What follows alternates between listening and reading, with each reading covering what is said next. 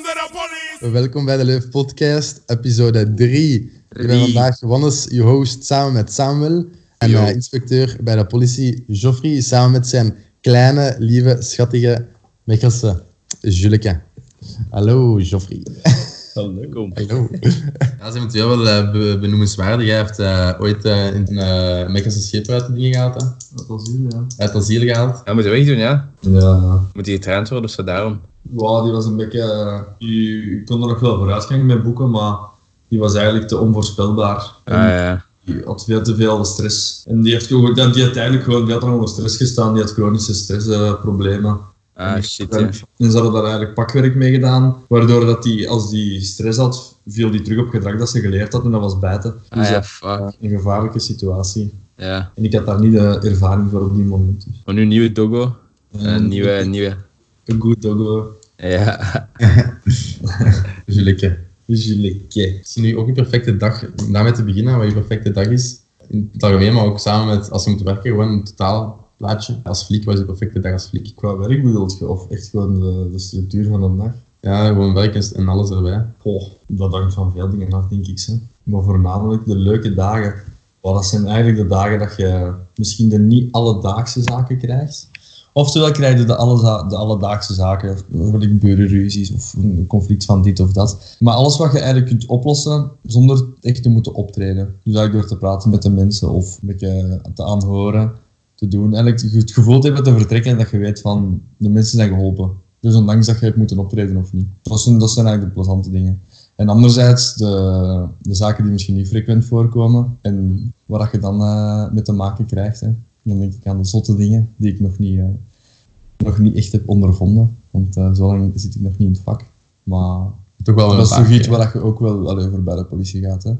De, grote, de grote zaken. Zo. Waar dat je mee opgroeit, die beelden. Ja, Dus eh, dat is wel plezant. Dus in het algemeen is dat eigenlijk. En ja, je ziet eigenlijk gewoon, het is, het is een, een, een ploeggebeuren. Hè. Je werkt altijd met twee. Je werkt met collega's. Je- Allee, je moet op je collega's kunnen rekenen. Daar goed mee overeenkomen. Je maakt veel dingen mee met collega's ook. Wat dat ervoor zorgt dat collega's wel vrienden worden.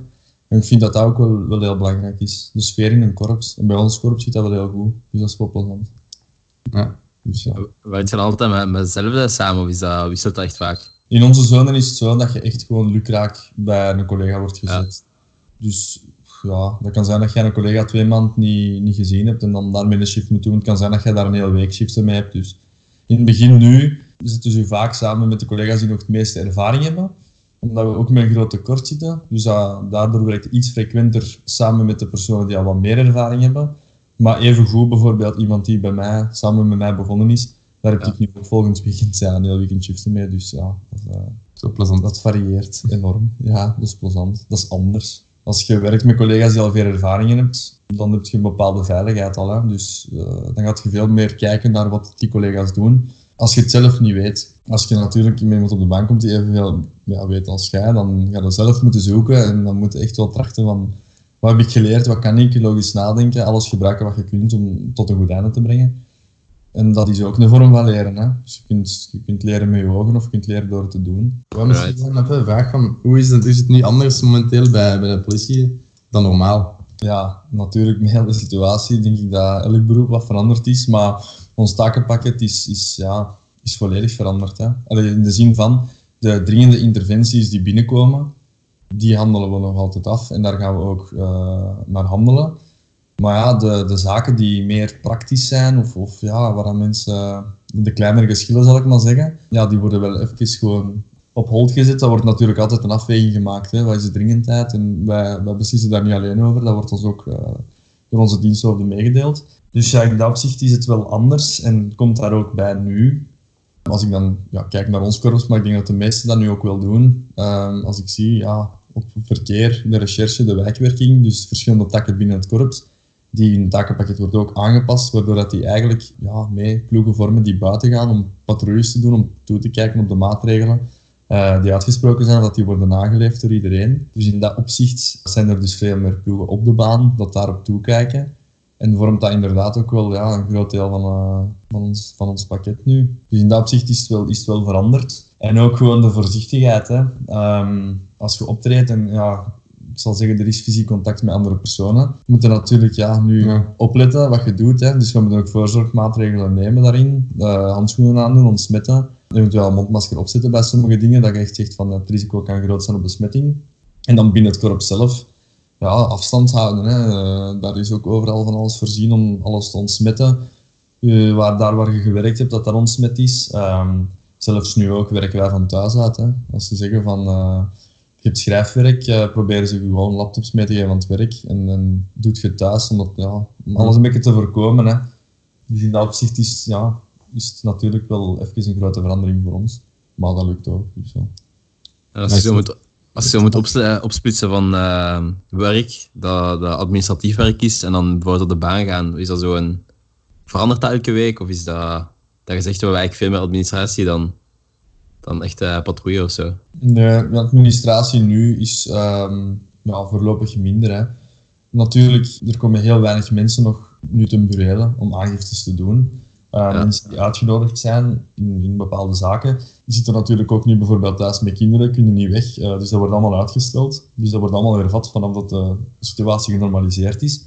Dus administratief is er eigenlijk weinig werk. Eh, vrijdag had ik bijvoorbeeld ook onthaalwerk moesten doen. En er is niemand langsgekomen. Dus ja, administratief kun je dat niet heel veel doen. Qua buitenrijden, patrouilles, interventies doen, ja, je, je rijdt gewoon veel buiten. Hè. Dat doe je sowieso, maar nu is het eigenlijk, ja, proberen ze constant op de baan te Ja. hebben en patrouilles uit te voeren. Hè.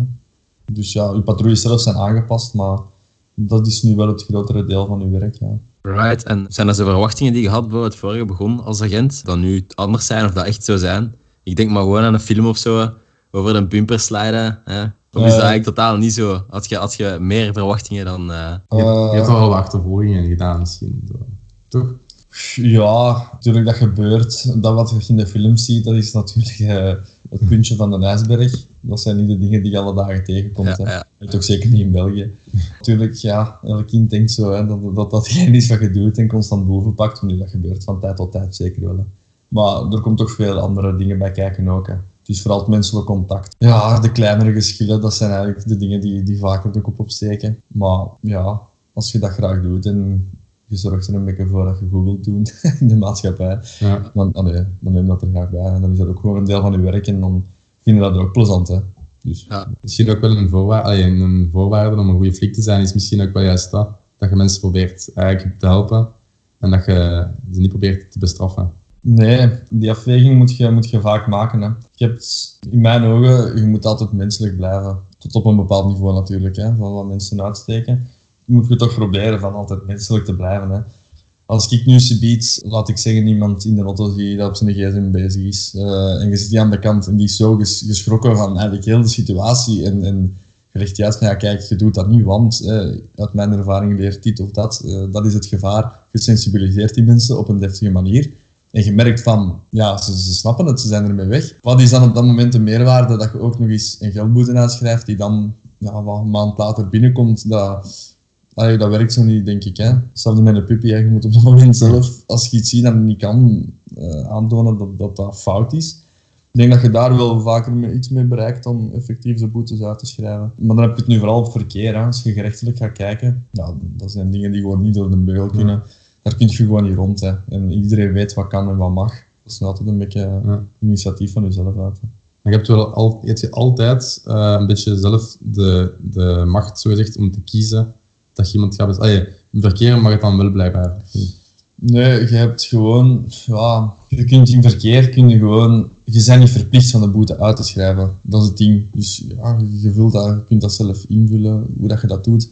Maar iedereen moet die afweging voor zich een beetje maken. Hè. Ik bijvoorbeeld, ja, ik, ik zelf heb zoiets van, je rijdt bijvoorbeeld niet met een auto als je onder, eh, als je onder invloed bent van alcohol of drugs.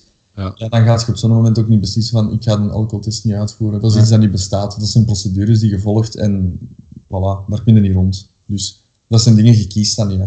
Ik heb het meer over ja, de verkeersinbreuken dan. Dat je zegt van ja, iets wat mensen vaak doen, maar dat je weet dat eigenlijk niet mag.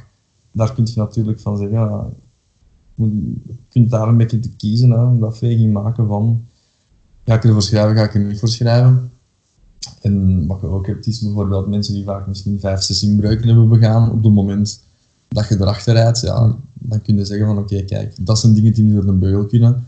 En die dingen wil ik, wil ik zo laten. En, Ja. Een beetje zo dat vegen, dan, dan zijn de mensen ook, ja, laten ze toch niet achter met dingen van, je hebt, al, allee, je hebt het maximum eruit gehaald, bij Ja. wijze van spreken, om ze te kunnen kloten. Ja. Wat dat ze vaak denken. Maar Ja. Dat is een beetje het menselijk blijven. Hè. En hebben jullie eigenlijk eh, richtlijnen van ehm, dat er wel effectief boetes moeten uitgeschreven worden? Dat ze zeggen van, bijvoorbeeld als je nu, stel je eens voor een maand geen boetes zou uitschrijven, zou dat voor je gevolgen hebben? Of is dat eigenlijk helemaal niet zo? Ik werk niet zozeer op, eh, op verkeer. Hè. En met boetes bedoel ik dan eigenlijk de onmiddellijke inningen die worden opgesteld. Hè. Dus dat Ja. zijn eh, bijvoorbeeld voor het bellen achter het sturen, wat is het? Dat zijn eigenlijk eh, onmiddellijke inningen, dus dat zijn, dat zijn dan de boetes waar ik over spreek. Maar in het merendeel, ook in het verkeer, zijn dat dingen die... Dat zijn procesverbalen die worden opgesteld. Dat wordt ook niet door ons beslist wat, wat is de strafmaat of wel.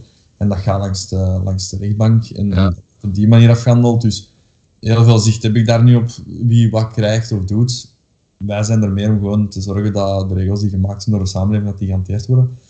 Dus ja, in dat opzicht. En hoe gaan ze om met het, met het stereotype? Eh, want je hebt misschien ook al een paar keer gehoord dat mensen bijvoorbeeld zeggen van eh, agenten, allee, of, of als ik, het, als ik het woord mag gebruiken, eh, die ze kloten mij of weet ik veel wat. Heb je al meegemaakt, persoonlijk? Ja, dat mensen bijvoorbeeld tegen je gaan zeggen van er gaat niets beters te doen dan met te komen zeggen ik moet rijden of zo. Eerlijk gezegd heb ik dat nog niet echt, niet dat ik het me nu kan herinneren, herinneren dat ik daar echt situaties heb meegemaakt waarin mensen dat zeggen. Maar natuurlijk ben ik ook niet zo lang in dienst, dat zal sowieso wel bij mij, allee, mijn mening is dat dat bij de mensen zelf eh, vertrekt. Hè. Ja. Als jij iets doet en je weet dat het niet mag, maar in je hoofd denk jij van ja, ik ga het ook doen, want ik veeg er mijn voeten aan. En dan worden daarop terecht gewezen. Ik denk dat, dat je dan rapper de reactie gaat hebben van, zeg manneke, eh allee, het zijn mensen die ook gewoon bijvoorbeeld slecht kunnen omgaan met gezag of met regels die gemaakt zijn. Hè. Ja. Die zich daar een beetje tegen afzetten. Die vinden dat dat voor hun niet van toepassing is, want en de wand vullen ze dan zelf in. En natuurlijk, ja, op het moment dat ze dan tegen de lamp lopen, vaak komen daar emoties bij en krijg je zo'n reactie. Ja. Ik denk dat eerder zoiets is. Ik heb er nog niet veel ervaring mee, maar dat is wat ik zeg. Ja. Je weet wat mag en je weet wat niet mag. Soms Ja. weten mensen het ook niet. Hè. Soms, je hebt echt gevallen dat mensen bijvoorbeeld niet bewust zijn van wat ze mogen en wat niet. Maar dan gaat je ook natuurlijk niet allee, Ja. direct eh, die mensen het moeten het misschien, maximum eruit halen. Hè. mensen moeten het ook misschien gewoon op iemand kunnen steken. Hè? Allee, als ze het op jezelf zouden steken, dat ze iets slecht gedaan hebben, dan, dan is dat misschien, dan kun je dat misschien niet aan persoonlijk. En als ze zeggen van ah, het is u- uw schuld, want jij hebt mij beboet, dat is misschien makkelijk. Dat is een natuurlijke reactie, Ja, hè? ja. om altijd de schuld af te schuiven op iemand anders. Hè? Allee, dat doet iedereen wel eens af en toe. Hè? Ja. Op die moment inderdaad, dan is het de schuld van, van de politie-inspecteur en dan is het niet eh, de schuld van zichzelf. Hè?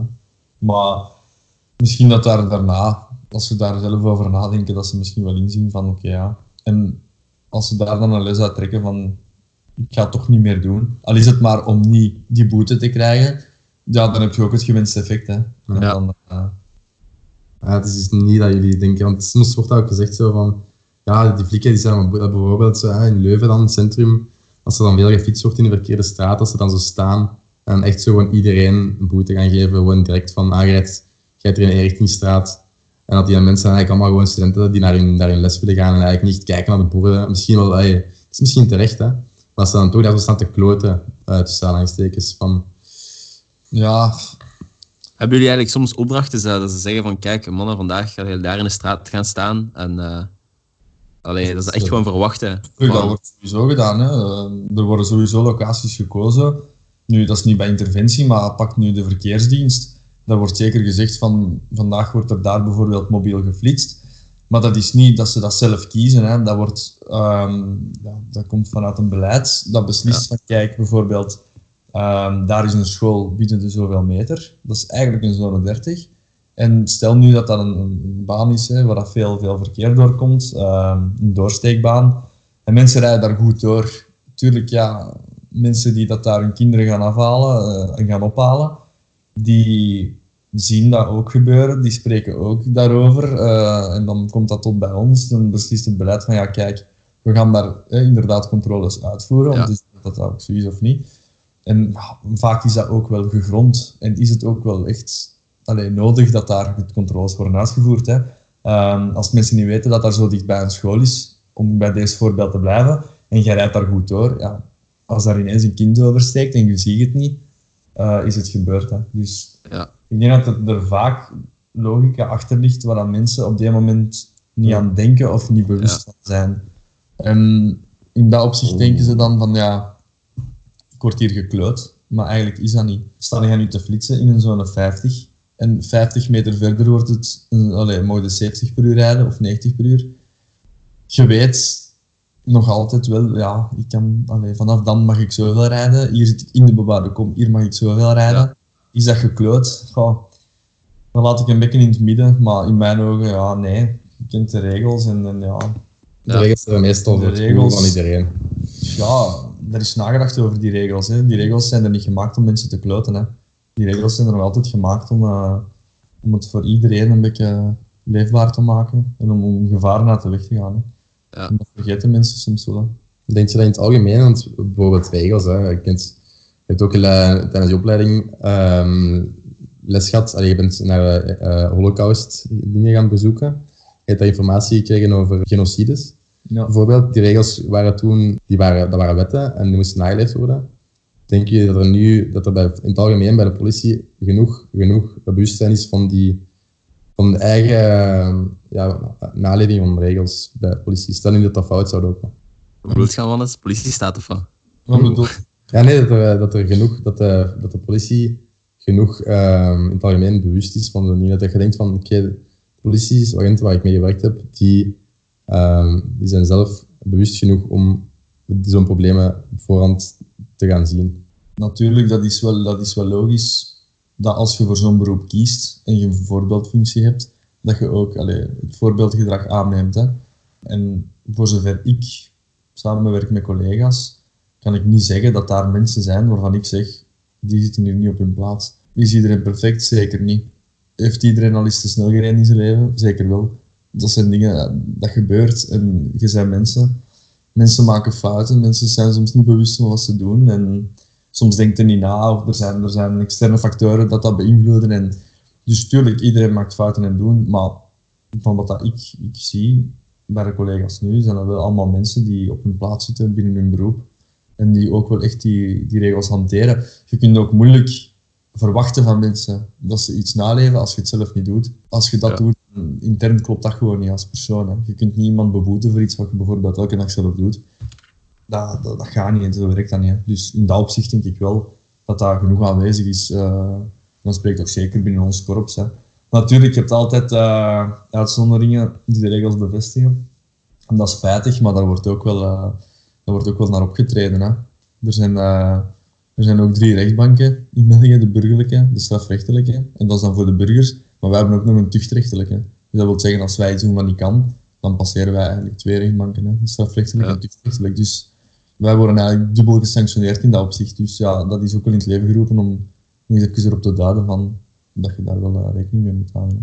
Maar ik denk sowieso, als je voor dat beroep kiest, dat je dat, dat, dat wel al in u zit. Hè. Dat, je dat, dat je dat meedraagt, dat je die normen en die waarden wel hebt. En om eens terug te gaan op, eh, op dan dat mensen bijvoorbeeld een keer lastig zijn en zo. Heb je al emoties gehad echt van mensen? Want je zei dat soms reageren mensen emotioneel. Dat, dat echt uit de hand loopt bijvoorbeeld. Dat je denkt van, oh, nu moeten we fysiek gaan ingrijpen. Goh, Of is het relatief wel kalm in de regio's waar, je optreedt? Ja, dat, dat kan ook wel een beetje afhangen van de aanpak. Het hangt af van de situatie, het hangt af van uw aanpak. Ik probeer altijd deescalerend op te treden. En verbaal gaat je, veel, ja, gaat je, gaat je vaak meer bereiken dan dat je direct fysiek wordt met, met personen. Je moet kunnen praten met personen, je moet horen wat het probleem is, je moet ze kunnen kalmeren, doen.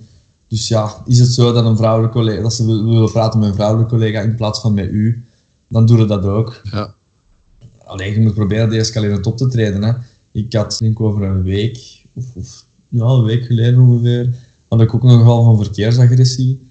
En eh kwam wij ook ter plaatse. En eh, die persoon had eigenlijk niet zo goed begrepen wat mijn collega gezegd had. En die reageerde heel fel naar mijn collega toe, in bijzijn van zijn kinderen.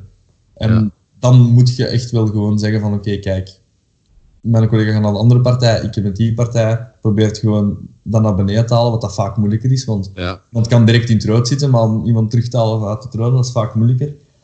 En ja, dan moet je natuurlijk op die manier handelen, hè. dan gaat je veel meer gedaan krijgen. Als je dat op dit moment niet doet en dat escaleert, waar gaat dat eindigen? Ja, dat weet ik niet, maar dan kan dat wel fysiek worden. Hè. Dus ja, zeker als er kinderen bij zijn, is dat niet de bedoeling. Ja, ja, ja. Dus hangt een beetje af van je eigen inbreng. Maar ik denk dat je wel veel meer bereikt door gewoon een beetje respect te hebben naar de mensen toe. En, en wat er ook gebeurd is, je kunt dat vaak ook niet direct op die moment inschatten wat er gebeurd is. Hè. Het kan soms zijn dat je denkt van, ah ja, die heeft het gedaan en dat is het slachtoffer en, eh, en dat is hier de schuldige. En dat eigenlijk omge allee, omgekeerd blijkt te zijn. Dat Ja. bestaat. Hè. Dus je mocht niet... Wij moeten nog altijd neutraal blijven. Hè. Je hebt een neutrale functie. Wij kunnen niet aankomen en zeggen, ah voilà, jij hup, en u behandelen we zo en u zo. Nee, je moet altijd Ja. respect blijven hebben. En ik denk dat dat, dat, dat al veel is. En zo dees- deescalerend handelen, is dat iets eh, dat iedereen kan leren? Of is het iets dat je zegt van dat moet wel deels in u zitten al voordat je eraan begint? Nee, iedereen kan dat wel leren. Ehm, natuurlijk, jezelf? iedereen- dat, dat komt vooral neer op verbale communicatie. Hè. Niet iedereen is communi- communicatief even sterk, maar zelfs in de opleiding krijg je daar genoeg mee te maken. Hè. Aan de hand van rollenspellen en theorie eh, wordt dat toegepast, krijg je dat aangeleerd. En, en ze leren nu wel hoe je iemand verbaal eh, tot rust kunt brengen of welke tips dat je kunt, kunt toepassen.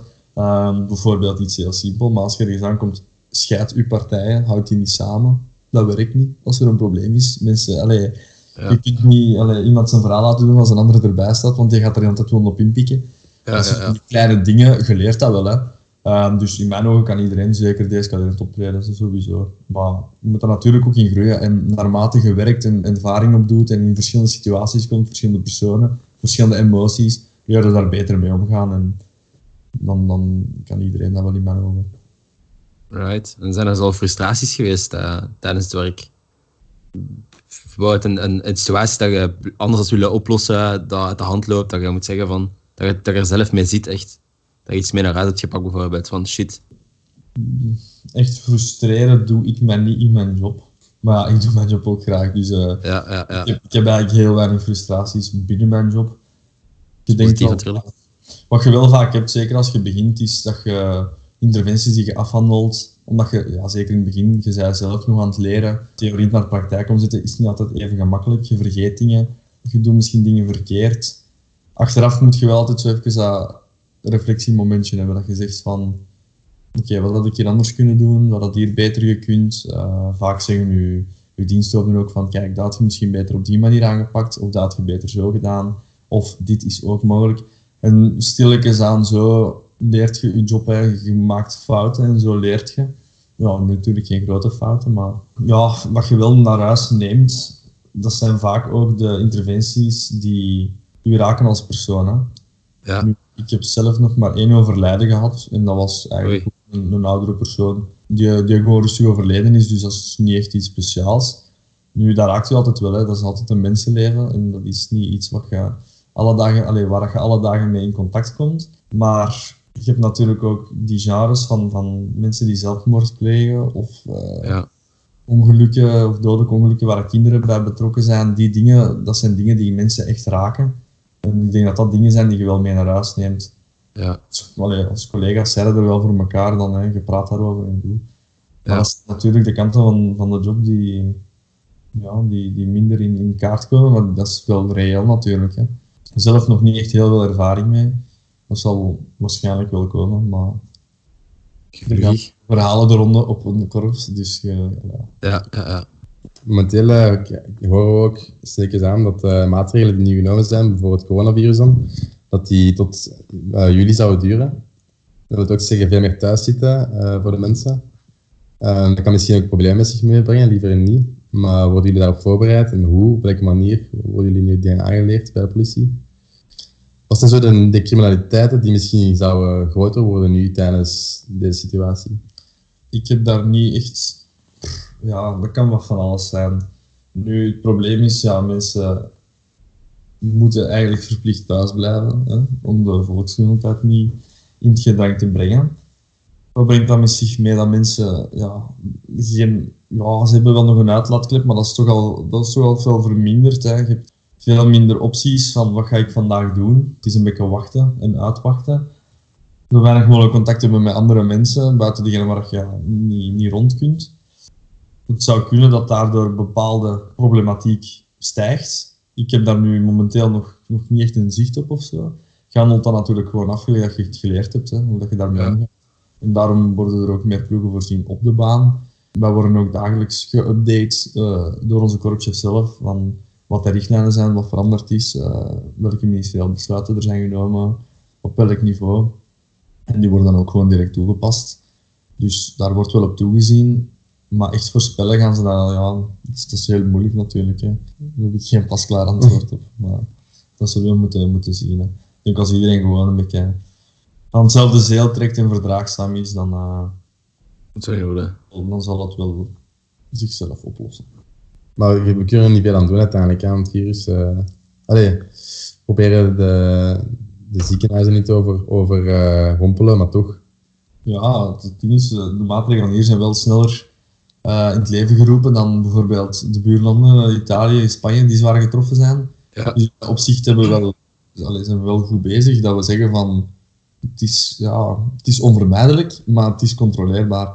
En als we gaan naar, we krijgen het onder controle en we zorgen ervoor dat de capaciteit die we hebben, en dan denk ik aan hè, medisch personeel en ziekenhuizen en bevoorrading, als dat eigenlijk allemaal blijft lopen en we gaan daar niet over, dan denk ik dat, dat zal inderdaad wel langer duren, maar dan zitten we met een spreiding van het virus, een spreiding van de gevallen, en dan hebben we misschien niet zo'n dodelijke afloop dat we hebben in Italië. Dus ja, je moet proberen om het zo, veel mogelijk in te perken nu. Ja, het zal inderdaad afwachten zijn, maar de maatregelen die er zijn, zijn wel met een reden genomen. En ik denk ook wel echt dat die, dat, dat voordelen met zich meebrengt. Dus. Wat zijn sancties voor mensen die uh, de regels aan hun voeten lappen nu?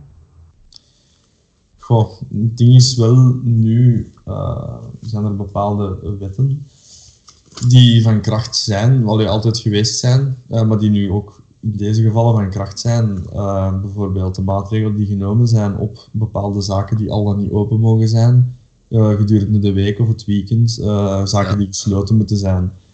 Wat dan allemaal neerslaagt op de, de volksgezondheid, die moeten natuurlijk ook sluiten wanneer ze gesloten moeten zijn. Als die beslissen van toch open te zijn, dan wordt daar inderdaad procesverbaal opgesteld. Uh, dat is dan niet alleen naar de uitbater, maar ook bijvoorbeeld naar de mensen die op dat moment aanwezig zijn in die zaak. Omdat iedereen op de hoogte is van de maatregelen die genomen zijn. En iedereen wordt, er wordt ook verwacht van iedereen dat ze de energie erin steken om te weten wat de maatregelen zijn, wat wel en niet mag. En natuurlijk, wij moeten optreden in dat geval. Want als wij dat niet doen, dan ja, verlies je de controle. Ja. Dat is een beetje het probleem. En stel nu dat ik zeg van de carwassen mogen niet open zijn en er is toch één carwas dat open is. Dat is natuurlijk ook niet eerlijk voor die carwassen die wel luisteren en wel sluiten. Die ja. ook inkomsten hebben, ook terugvallen op, uh, op het systeem. En die ene die dat wel open doet en dan natuurlijk alle klanten heeft, want ja, iedereen wil natuurlijk naar daar gaan. Dus ja, ja. ja een beetje logica ook. Je hebt wel echt zo mensen moeten wijzen of nee, dat mag niet. Uh, nee, persoonlijk heb ik nog niet moeten doen. Uh, ik heb de indruk dat het virus toch wel, ja, de, de, dat toch wel de mensen beseffen dat het toch wel ernstig is. Ja. Uh, natuurlijk niet gelijk bij de buurlanden, maar het kan, het kan wel ernstig zijn. Het is ook een dodelijk virus, mensen sterven eraan. Dus ik heb wel het gevoel dat mensen inderdaad doorhebben dat het nodig is dat de maatregelen die er zijn, dat die, dat die gevolgd worden. Um, ik heb daar zelf nu nog niet echt problemen mee ondervonden. Mensen dat het niet doen. Je hebt natuurlijk wel, ja, de scholen zijn gesloten. Uh, alle jongeren zitten thuis. Wat gaan ze doen? Ja. Ze gaan naar buiten, hokken samen doen. Dan is het inderdaad wel, ja, voilà. Maar dat wat ze normaal niet mogen, dat mag ja. niet eens. Maar ja, het is natuurlijk gewoon, het is vooral gewoon sensibiliseren en zeggen van, kijk mama, dat is het gevaar, het mag niet doen. Ik denk dat dat al veel is. En echt PV's uitgeschreven heb ik nog niet daarvoor. Dat heb ik nog niet gedaan. Uh, ik hoop ook niet dat dat nodig gaat zijn. Ja. Maar. Ja, zo'n tijd als nu is dat misschien ook wel moeilijker om, ja, er zijn mensen die al uh, technisch werkloos zijn, minder verdienen. Er zijn mensen die al helemaal niks meer verdienen in de horeca. Ja. Uh, zelfstandigen, ja, dat is misschien wel moeilijker om eigenlijk dan nog boetes te gaan schrijven aan die mensen. Je weet, het is een moeilijke tijd en er gaat misschien ook een economisch moeilijke tijd aankomen, kunnen niet voorspellen, maar de kans bestaat wel. Ja. Dat misschien wel raar is om dan een boete, ja, echt zo'n zware boete te gaan uit. Ik heb al gehoord dat het tot 4000 euro zou kunnen gaan. Dat, Dat misschien wel raar is om dan... Ja, van de bedragen zelf ben ik me niet bewust. Maar ja, ja het is, het is oké, okay, ja. Dan komt, uh, terug, uh, komt weer een beetje terug op het feit van dat je weet wat mag, je weet wat niet mag. En Als je denkt van ja, ik ga het toch open doen, want ja, ik, eh, heb mijn inkomsten hier hebben. Dan doe je eigenlijk iets wat dat bijvoorbeeld zes andere zaken in dezelfde regio wel volgen. En dan ja, Ja. eh, het is natuurlijk niet eerlijk als je dat doet. En het is ook mijn reden. Hè. Het, is, het is echt wel, als daar iemand binnenkomt die besmet is en het hangt daar in de lucht en iedereen is besmet, ja. Ik dacht dat het was voor één persoon dat je drie besmet. Ja, Dus, uh, inderdaad voorlopig uit. eh, Rap, dus ja. nee.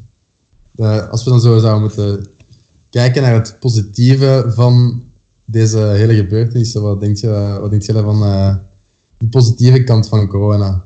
Wat is het goede hieraan eigenlijk? Het positieve nu, ik denk dat dat is dat, dat mensen eigenlijk terug een beetje meer aan elkaar geven. Hè. Dat ze toch wel een beetje bewust zijn met de gezondheid van anderen ook.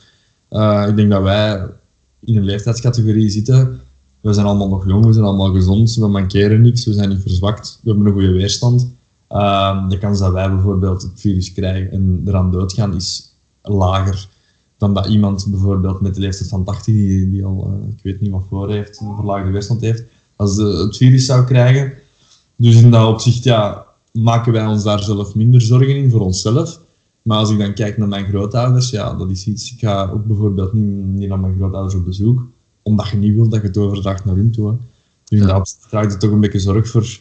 En je wilt natuurlijk ook niet dat de mensen die jij kent, dat hun grootouders doodgaan. Dus Ja. in dat opzicht moet je natuurlijk wel eh, een beetje meer rekening houden met elkaar. Dus ik denk wel, ja. Ik heb nu ook gehoord dat er verschillende organisaties zijn, bijvoorbeeld in Leuven, waar dat jongeren inkopen gaan doen voor oudere mensen en het, en het gaan, gaan afzetten voor de deur en zo. Dat zijn allemaal schone initiatieven, dat toont ook wel dat de mensen er voor elkaar zijn. Hè. En Ja. vandaag is dat zo even eh, een kleine reminder Ja. dat dat ook nog bestaat. Dus dat is, ja, dat is wel een voordeel. En wanneer dat, dat de maatregelen gaan, gaan opgegeven worden, denk ik dat iedereen even blij gaat zijn. Dat ze Ja. alles terug kunnen oppakken en doen. En dan gaat dat eens zo plezant zijn en eens zoveel betekenen. Dus. Misschien hebben we dat even nodig om zo eens even terug te eh, herinnerd te worden aan het feit dat we eigenlijk het wel redelijk goed hadden. En dat was precies zoiets dat eigenlijk we hadden het altijd maar goed en goed. En we kwamen zo van die problemen op die eigenlijk geen problemen waren. En die vallen nu precies wat meer weg. Zo van, ja, problemen dat je dan al in je hoofd hebt van weet ik veel wat. eh, stress voor bepaalde dingen. Nu is dat precies minder, denk ik. Mensen sensibiliseren. sensibiliseren meer nu. Ook buiten, ik weet niet of je al gezien hebt, die, vele huizen heb ik gezien dat van die uh, witte doeken buiten hangen en zo voor eh, dan weer een beetje meer de verpleegster en verplegers te supporten, maar dat is wel mooi. Solidariteitsgevoel is wel sterker aanwezig nu. hè. En Ja. inderdaad, in plaats van dat mensen zich zorgen maken om welke schoenen dat ze vandaag gaan doen, maken ze zich misschien meer zorgen om hun gezondheid. Wat dat uiteindelijk toch wel de belangrijkste dingen zijn. Hè. Dingen die een beetje te vanzelfsprekend zijn, en waar dat je nu even terug met je voeten op de grond wordt gezet en dat je weet van, eigenlijk ben ik wel heel kwetsbaar. En kan het echt wel, allee, kan, er, kan er effectief wel iets gebeuren, hè. hoe veilig je ook zit in de maatschappij. Dus, Ja. Je voelt je zo wat minder, zo wat minder eh, God, bij wijze van spreken, die alles aan kan, eh, die boven alles in de natuur staat. Hij is dan nu precies zo terug wat meer een deel van de natuur en zo. Je weet ook, ja, het, dat virus dat verspreidt in snel tempo over de hele wereld, bij wijze van spreken. En dat is precies zo, ja, we zijn allemaal verbonden ook met elkaar, heel direct. mm. En zonder dat we dat doorhebben. We zijn eigenlijk ook niet meer dan, zijn eigenlijk ook niet meer dan de natuur. En dat, dat is ook precies iets dan nu zoiets, ja, je voelt je kleiner, hè. Je voelt je terug. Ik denk ook wel dat positief is, misschien voor uh, even, even aan herinnerd te worden. Uh, natuurlijk ook, ja, we hebben tijd thuis nu, die we misschien ook goed kunnen gebruiken voor uh, samen met vrienden en met, met je hond. Uh, wat denk je nog dat goede dingen zijn dat mensen, jonge mensen zouden kunnen doen die thuis zitten en die eigenlijk niet echt kunnen samenkomen met vrienden, om die tijd echt goed positief te benutten? Goh, dat uh, ik denk dat een heel ja, relatieve vraag is. Hè. Ik denk dat iedereen dat voor zijn eigen wat kan uitmaken. Uh, maar ja, je kunt niet nog altijd afspreken met je vrienden, hè, maar dan wil je via Skype moeten bellen in plaats van dat je, dat je op bezoek gaat. Ik weet het niet goed. Kun je boeken lezen ja. als je dat wilt. Je hebt nu ook tijd om uh, al die dingen dat je, dat je graag een keer wou, wou gedaan hebben, of weet ik veel, of, of je verdiepen in bepaalde onderwerpen. Of doen, ja. Daar is nu natuurlijk een tijd voor. En daarbuiten ja, kun je dat zelf wat invullen natuurlijk. Ja. Hè. Dat, is, uh, dat is het ding. Hè. Maar ja, het is ook, ja, ik spreek ook uit persoonlijke ervaring. Je, je hebt daarop de neiging om zo de Instagram wat langer open te houden. En dat is misschien niet zo, niet zo goed voor je eigenlijk, maar dan eigenlijk, ja, je een beetje de tijd aan het bent, terwijl je even goed uh, iets nieuws zou kunnen leren en je brein zou kunnen gebruiken om, uh, om er het beste van te maken van deze tijd. Ja, dat is, dat is, dat is een beetje moeilijk nu in deze situatie. hè. Want wij zijn sowieso al een generatie dat ons heel snel verveelt. En wij zoeken duizend en één dingen om, om ons mee bezig te houden. De generatie voor ons was nog meer de generatie van we zitten samen gezellig en we spelen een gezelschapsspel. Maar die twee worden eigenlijk alle twee een beetje geboycott door, eh, door het coronavirus dat er Ja. hangt. Hè. Dus misschien is het tijd voor iets nieuw. als, eh, als je nu met een goed idee komt, dan, eh, dan kun je rijk worden. Ja, dat is zo'n idee. Hou die liever voor jezelf. Ja, eigenlijk. no comment. Je daar teleurstellen. En als ik dat zou ik ze van mezelf houden. Zo. Nee, nee. Maar alleszins, angst is sowieso niet goed. Hè. Dus is een angst, natuurlijk eh, niet. Stressen ook niet, want ja, stress haalt uw weerstand naar beneden, dus eh, dat is wel niet nodig nu. nee, gewoon naar het goede proberen te kijken in deze situatie. En eh, dat gaat gezonder zijn voor je weerstand. Ja. En wat dat ook nodig is nu. Hè. Als, je, als je het ooit te krijgen, te krijgen hebt, dan gaat je er rapper vanaf zijn. En dan gaat je minder eh, zorgen moeten maken over op welke manier dat je geraakt natuurlijk. hè. Bedankt om te komen, Jof. Uh, merci. Merci voor je werk ook altijd. En ja, we zien je graag als flik. Hè. En ehm, ja, we zien elkaar snel.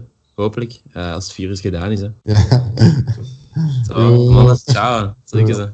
Yo.